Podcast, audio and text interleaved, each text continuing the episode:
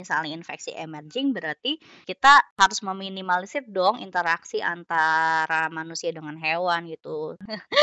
Itu Ah, oke. nanti di dicela sama klub kucing se-Indonesia.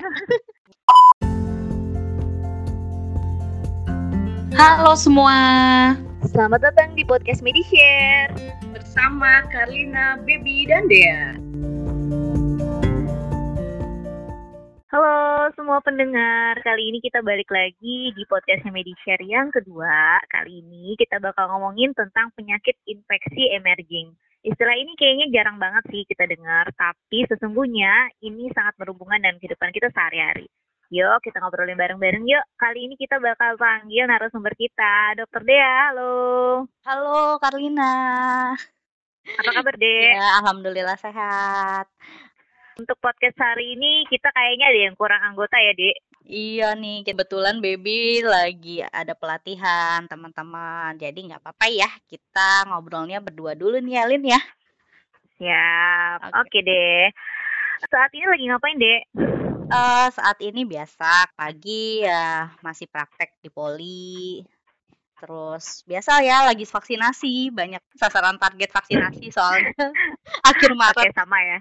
Berarti di semua daerah sama ya, lagi ngejar target vaksinasi. Iya, Oke deh. vaksinasi COVID. Eh, nah, berhubung sama vaksinasi COVID nih, si COVID ini kan salah satu infeksi emerging juga ya, Dek ya. Betul.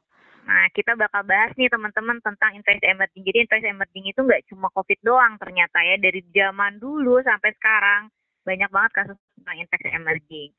Jadi sekitar 15 juta kematian per tahun di dunia, hanya ini data WHO tahun 2016 itu disebabkan oleh infeksi yang artinya lebih dari 25% dari total kematian tahunan di dunia ini disebabkan oleh infeksi.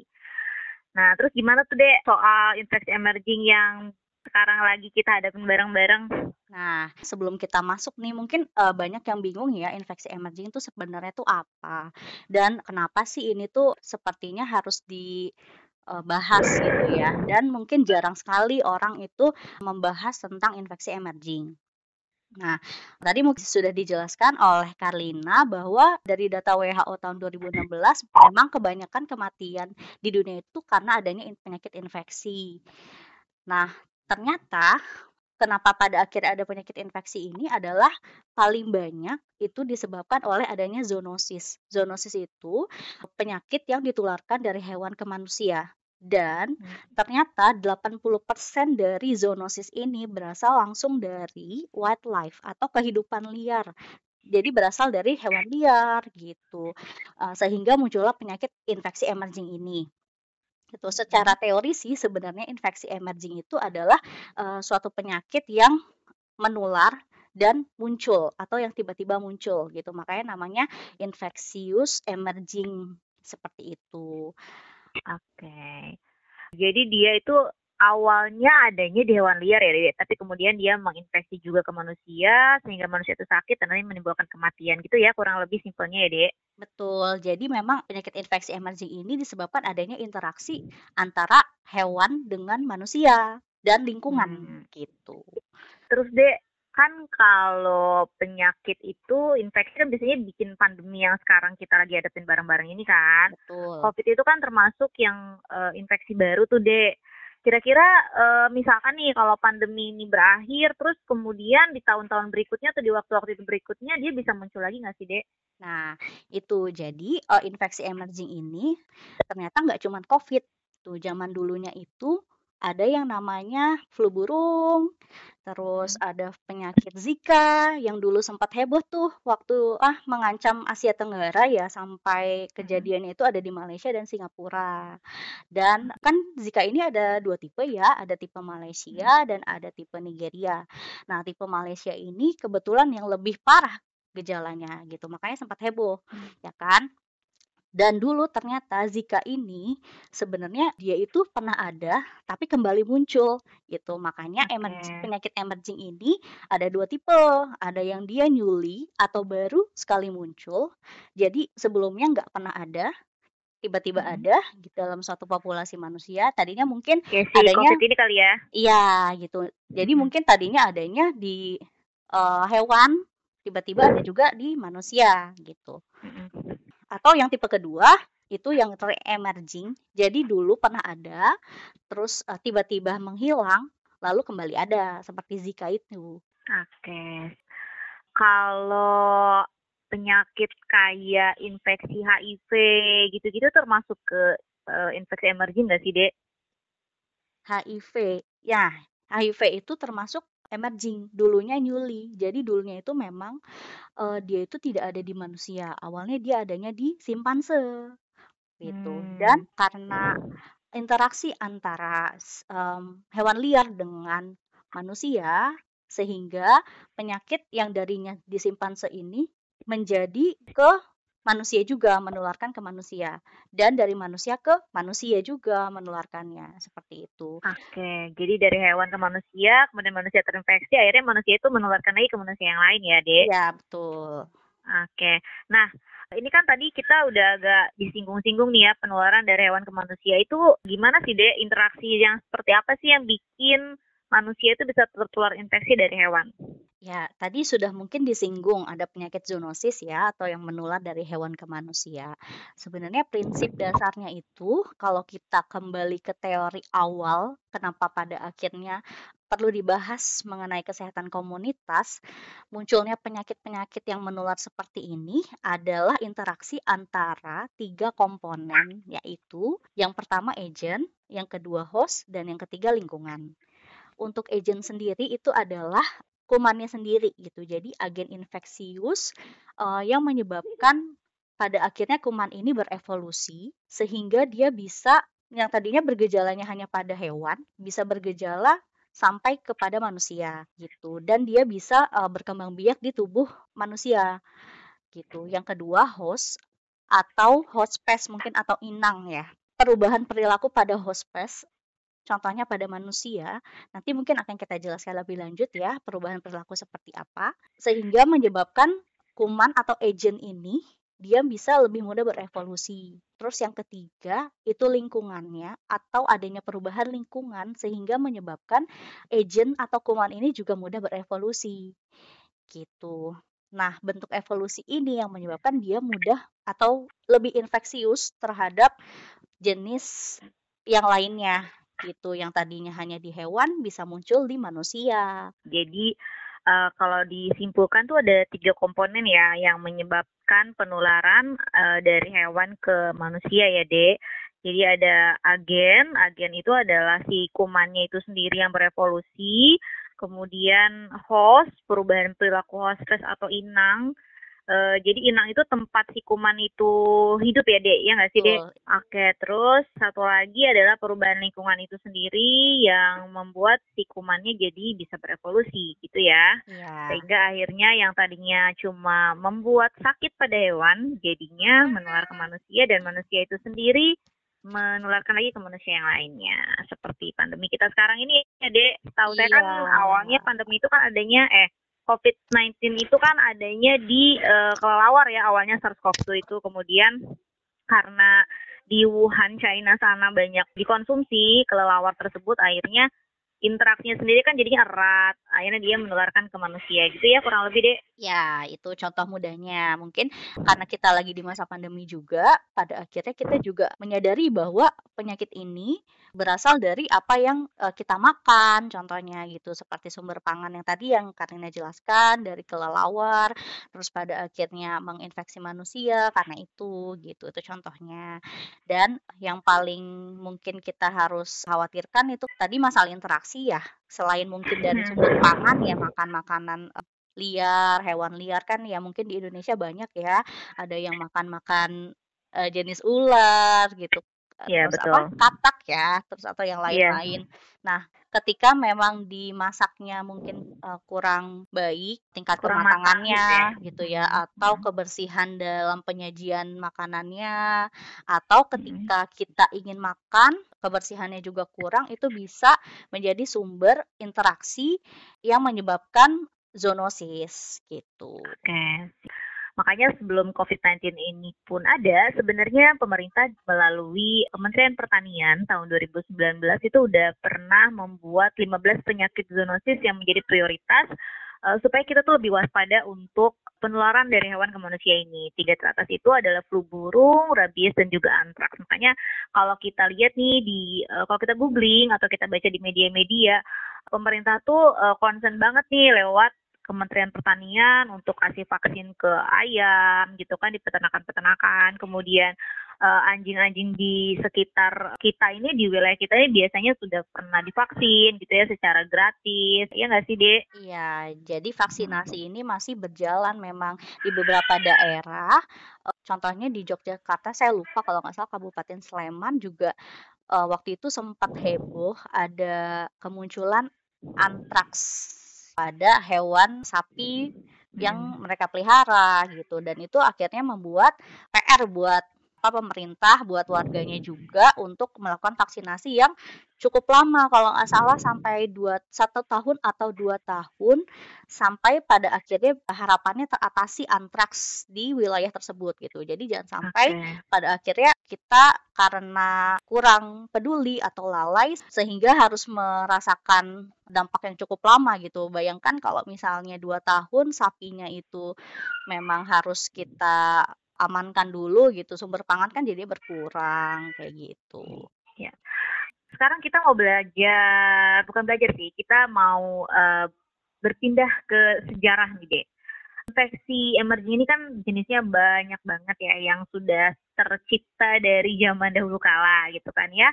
Yeah. Salah satunya kita tahu HIV AIDS, dia kan pertama kali muncul di Kongo ya kalau nggak salah, di mana yaitu tadi yang dijelaskan oleh dia, virus itu berasal dari simpanse, kemudian dia menularkan ke manusia. Nah, terus infeksi Zika yang sebenarnya di tahun 2000-an ya waktu itu ya, sempat boomingnya ya nggak sih, Dek? Iya, yang tadi di Malaysia tadi. Ah, ya. ternyata itu munculnya udah dari lama ya, Dek? Nah, dari tahun 1940-an dia tuh awalnya dari Uganda. Ya, inangnya atau hospesnya itu awalnya juga primata sama kayak HIV tadi dari simpanse uh, karena interaksi antara manusia dan lingkungan, perubahan lingkungan dan manusia ini pada akhirnya dia berpindah gitu kan ke manusia. Dan dia tuh sempat lama gitu nggak ada waktu itu karena memang uh, sudah teratasi. Tapi karena muncul lagi interaksi antara manusia dan hewan yang kurang baik sehingga muncul lagi nih di tahun 2000 infeksi zikanya gitu dengan okay. uh, eh, dengan evolusi yang lebih sehingga menimbulkan gejala yang justru lebih berat. Oke. Okay.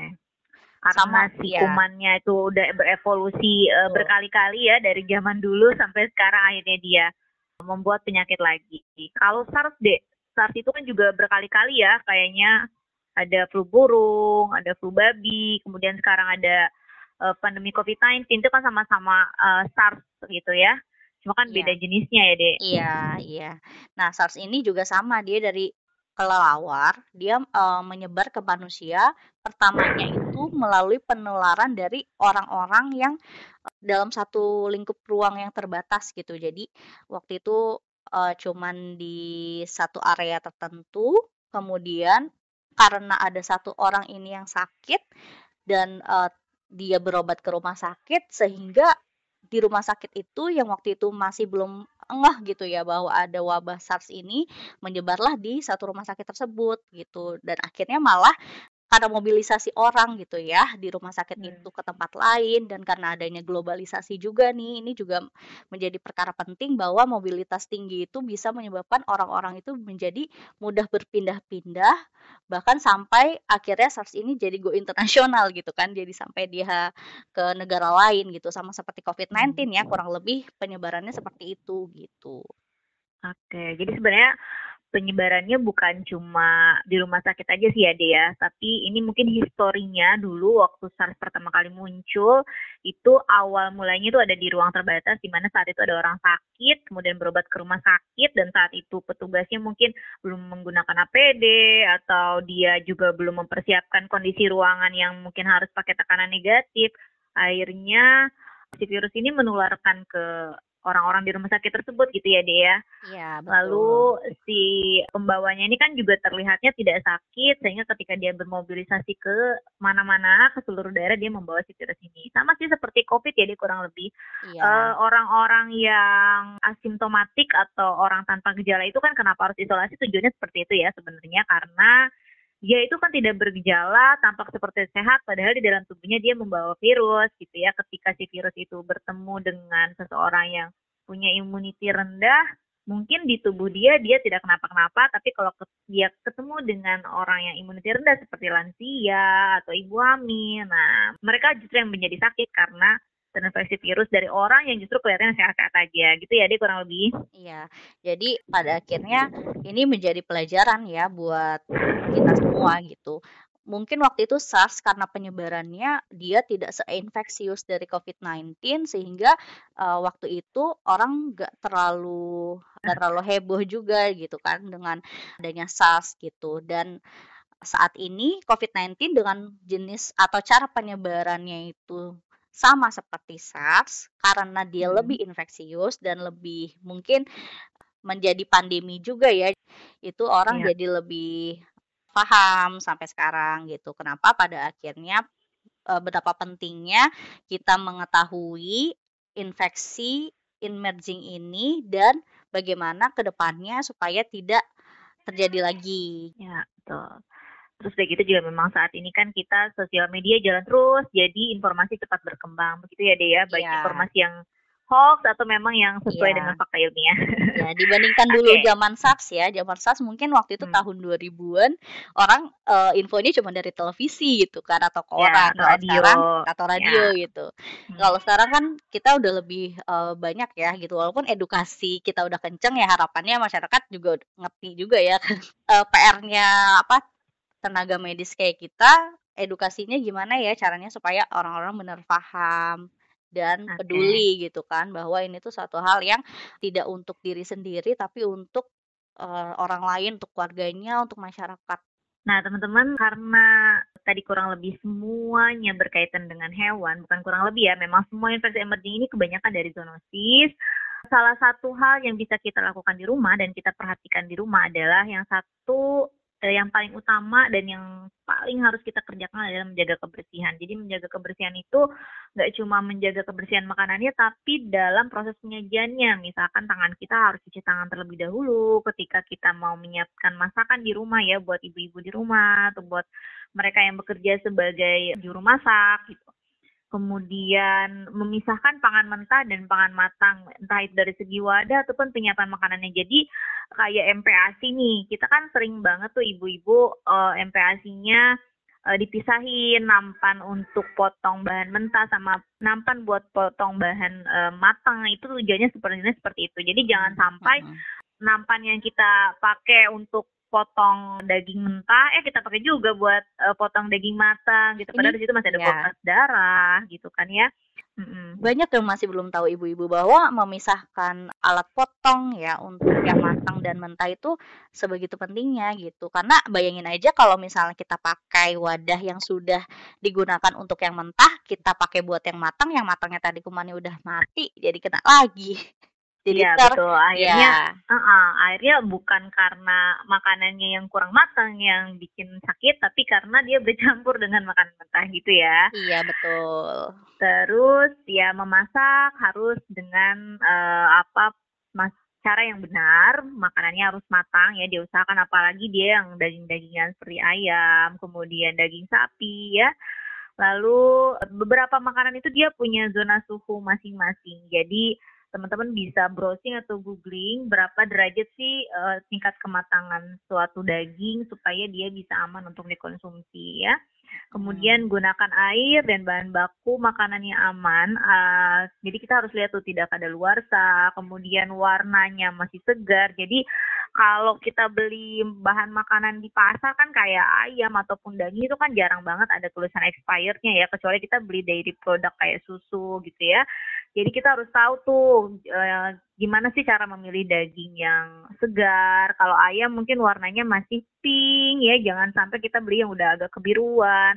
Kemudian kalau daging sapi ya masih merah segar, baunya juga pasti beda e, daging yang segar dengan daging yang sudah mulai busuk gitu ya baunya. Hmm, kemudian daging tersebut dicuci bersih ya sebelum dimasukkan ke dalam kulkas apalagi sebelum dimasak. Jadi jangan sampai kita pulang dari pasar belum dicuci eh udah langsung diolah aja gitu ya. Jadi semua harus beruntun, semua harus dilakukan demi kesehatan semuanya karena jangan sampai uh, pandemi belum berakhir nih kita udah nambah infeksi yang baru karena kebiasaan hidup yang kurang bersih. Betul. Nah, ini juga hubungannya dari segi makanan ya. Kan ada orang tuh mikir ya, oh kalau misalnya infeksi emerging berarti kita harus meminimalisir dong interaksi antara manusia dengan hewan gitu. Terus gimana kalau akhirnya uh, saya tuh seneng banget nih sama kucing, saya sering banget kan namanya ngasih makan kucing atau bahkan memelihara hewan peliharaan tertentu gitu. Ya Sebenarnya sampai dibawa gimana ke ya kan? kasur gitu ya, Iya, tidur sampai kasur bareng. iya betul. Itu Oke. nanti di dicela sama klub kucing se-Indonesia. Oke, gimana tuh dek? Gimana tipsnya biar aman? Kita tetap bisa pelihara kucing atau anjing di rumah, tapi tetap aman untuk orang-orang di rumah. Ya, jadi sebenarnya interaksi itu tidak perlu yang terlalu berlebihan disarankan gitu, tapi tetap menjaga bagaimana kebersihan kita ketika berinteraksi setelah berinteraksi dengan hewan tersebut seperti itu. Contohnya misalnya kita harus uh, mencuci tangan setelah kasih makan kucingnya gitu atau uh, setelah pegang kucingnya. Kalaupun misalnya mau bawa kucing atau hewan tersebut ke dalam kamar gitu pastikan uh, hewan itu memang uh, dijaga kebersihannya gitu. Misalnya dimandikan secara rutin ya kan dan dilakukan vaksinasi terhadap hewan peliharaannya tersebut sehingga tidak membawa kuman atau agent yang tadi kita sudah bahas itu berinteraksi dengan kita karena ya kalau misalnya divaksinasi kan harapannya memang si kucing atau si hewan ini tuh dia punya kekebalan sehingga dia tidak mudah terserang penyakit tertentu. Kalau dia terserang penyakit tertentu takutnya dikhawatirkannya zoonosis menularkan kepada manusia atau uh, si pemilik hewannya gitu. Nah, tadi kan kita bicara soal agentnya ya. Agentnya kan virus, kemudian hostessnya ya bisa kucing, bisa anjing, bisa sapi, bisa uh, ayam gitu ya. Nah, sekarang kita mau bahas kenapa sih lingkungan itu bisa menimbulkan infeksi gitu. Kok kok bisa gitu? Lingkungan emang ngapain gitu? Kok bisa bikin timbul infeksi? Apalagi bikin pandemi kayak sekarang Ya, jadi kalau ngomonginnya tentang ekosistem berarti ya atau lingkungan berarti kan ada manusia, ada hewan, ada tumbuhan juga gitu. Nah, Hmm. pada beberapa kondisi misalnya air yang terkontaminasi kuman dari kotoran hewan yang sakit itu bisa suatu ketika gitu ya digunakan gitu untuk menyiram tanaman uh, yang kita pelihara gitu. Misalnya kita punya tanaman buah, tanaman sayur gitu kan.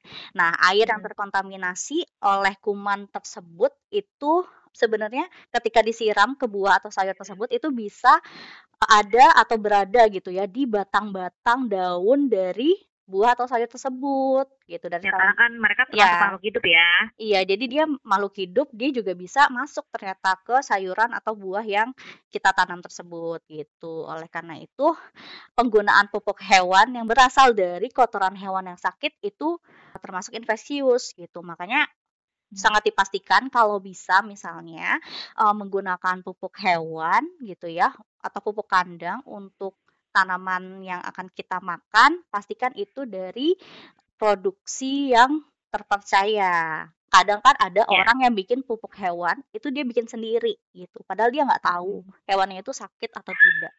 Seperti itu. Uh, ini mungkin jarang orang tahu gitu ya, bahwa ketika zaman kita yang sudah banyak pemanasan global, sehingga es di kutub utara ini mencair, ternyata kondisi pencairan dari es di kutub utara ini menimbulkan ketidakseimbangan ekosistem. Gitu. Jadinya gimana Kak kira-kira kan kalau misalnya ekosistem nggak seimbang?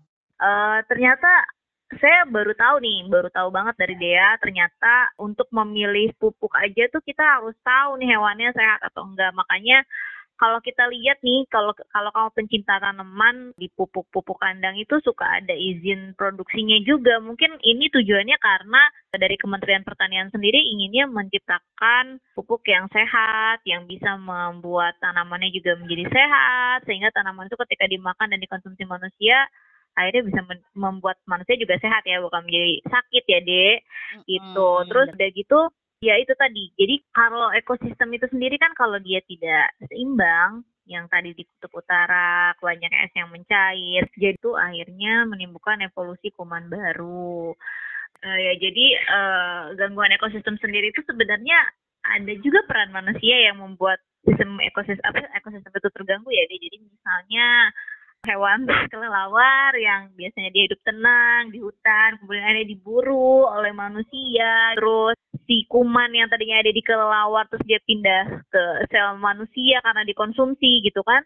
Atau karena dia berinteraksi sangat erat entah uh, dia pegang dia bersihkan itu si kelelawar dan ada kumannya kuman itu kan makhluk hidup juga ya. Jadi dia kalau berpindah dia akan beradaptasi. Dan pada saat proses adaptasi itu dia akan belajar gimana caranya bertahan hidup di sel tubuh yang baru sehingga yang tadinya gak menimbulkan penyakit manusia akhirnya dia menimbulkan penyakit. Karena kan dia istilahnya agen asing ya yang masuk ke tubuh manusia kayak gitu sih kurang lebih ya nggak sih dek? Iya jadi dia harus beradaptasi karena dia membutuhkan tempat untuk dia bisa berkembang biak gitu ibaratnya ketika tadinya dia tempatnya itu berkembang biaknya di hospesnya adalah hmm. binatang ketika dia bisa atau nempel di tubuh manusia mau nggak mau dia harus beradaptasi untuk bisa berkembang biak di tubuh manusia gitu. Makanya yeah. gejalanya bisa muncul atau penyakitnya bisa muncul juga di manusia.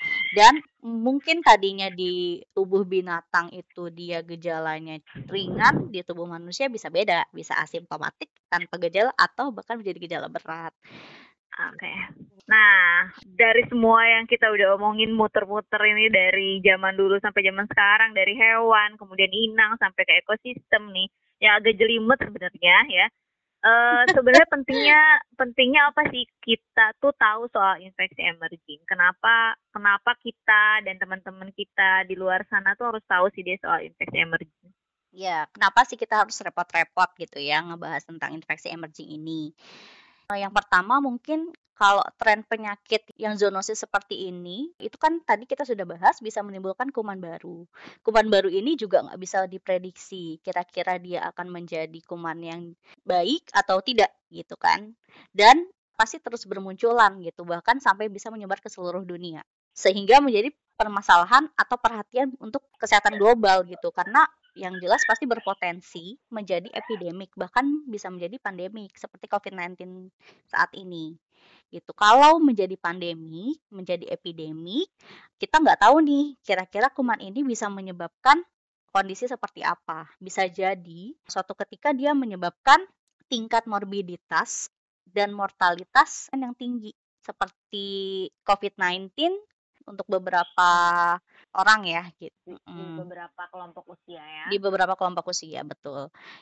Dan kita nggak tahu nih karena ini penyakit baru, yang jelas pengobatannya juga kita uh, perlu penanganan khusus banyak penelitian dulu baru bisa kita tahu oh ternyata penyakit ini pengobatannya seperti ini gitu. Sebelum adanya kita tahu pengobatannya seperti apa, sudah terjadi morbiditas dan mortalitas gitu ya. Iya, betul. Ya sama betul. seperti COVID-19 ya kurang lebih ya. Mm -hmm. uh, jadi dia menimbulkan tingginya mortalitas dan morbiditas seseorang. Jadi kan apa? Jadi walaupun dia sembuh dinyatakan sembuh dari COVID, tapi ada gejala long COVID di mana yang tadinya dia bisa aktivitas dalam jangka waktu lama sekarang jadi cepet capek kayak gitu ya.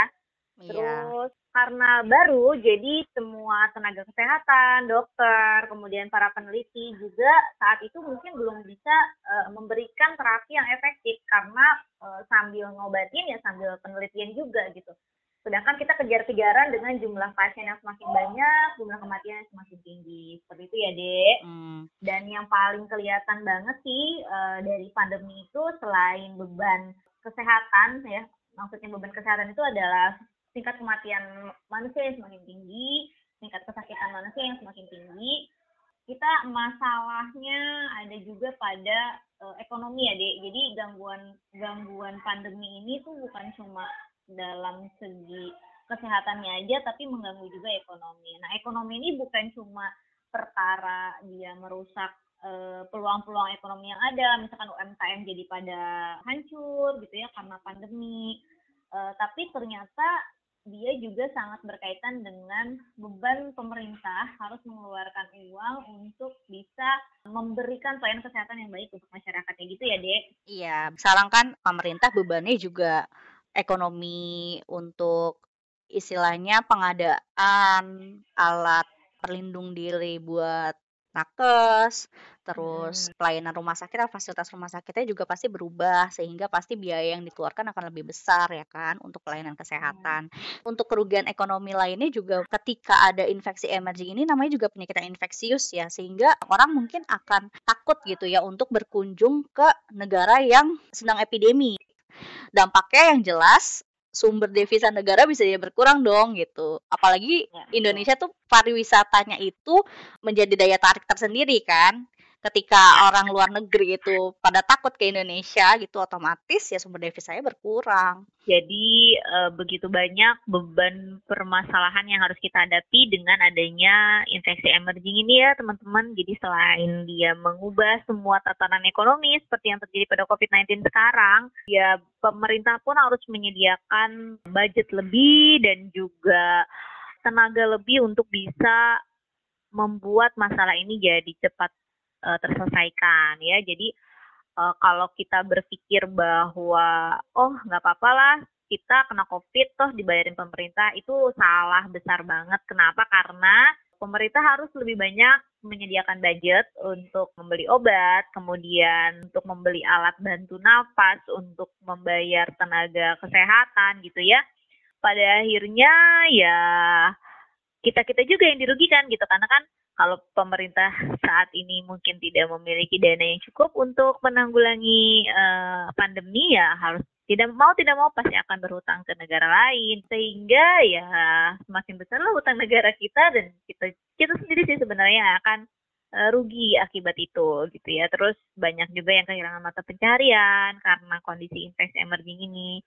Jadi hmm, kita harus sama-sama untuk bisa menghentikan infeksi emerging ini apa pun penyakitnya itu entah COVID-19, SARS ataupun HIV dan lain-lain karena itu dia tadi ya tingkat morbiditasnya tinggi, tingkat kesakitannya tinggi, membuat orang jadi tidak produktif, membuat tatanan ekonomi jadi berubah. Jadi semuanya jadi berubah karena kesehatan, ekonomi itu kan faktor yang sangat uh, krusial supaya manusia itu bisa hidup gitu ya.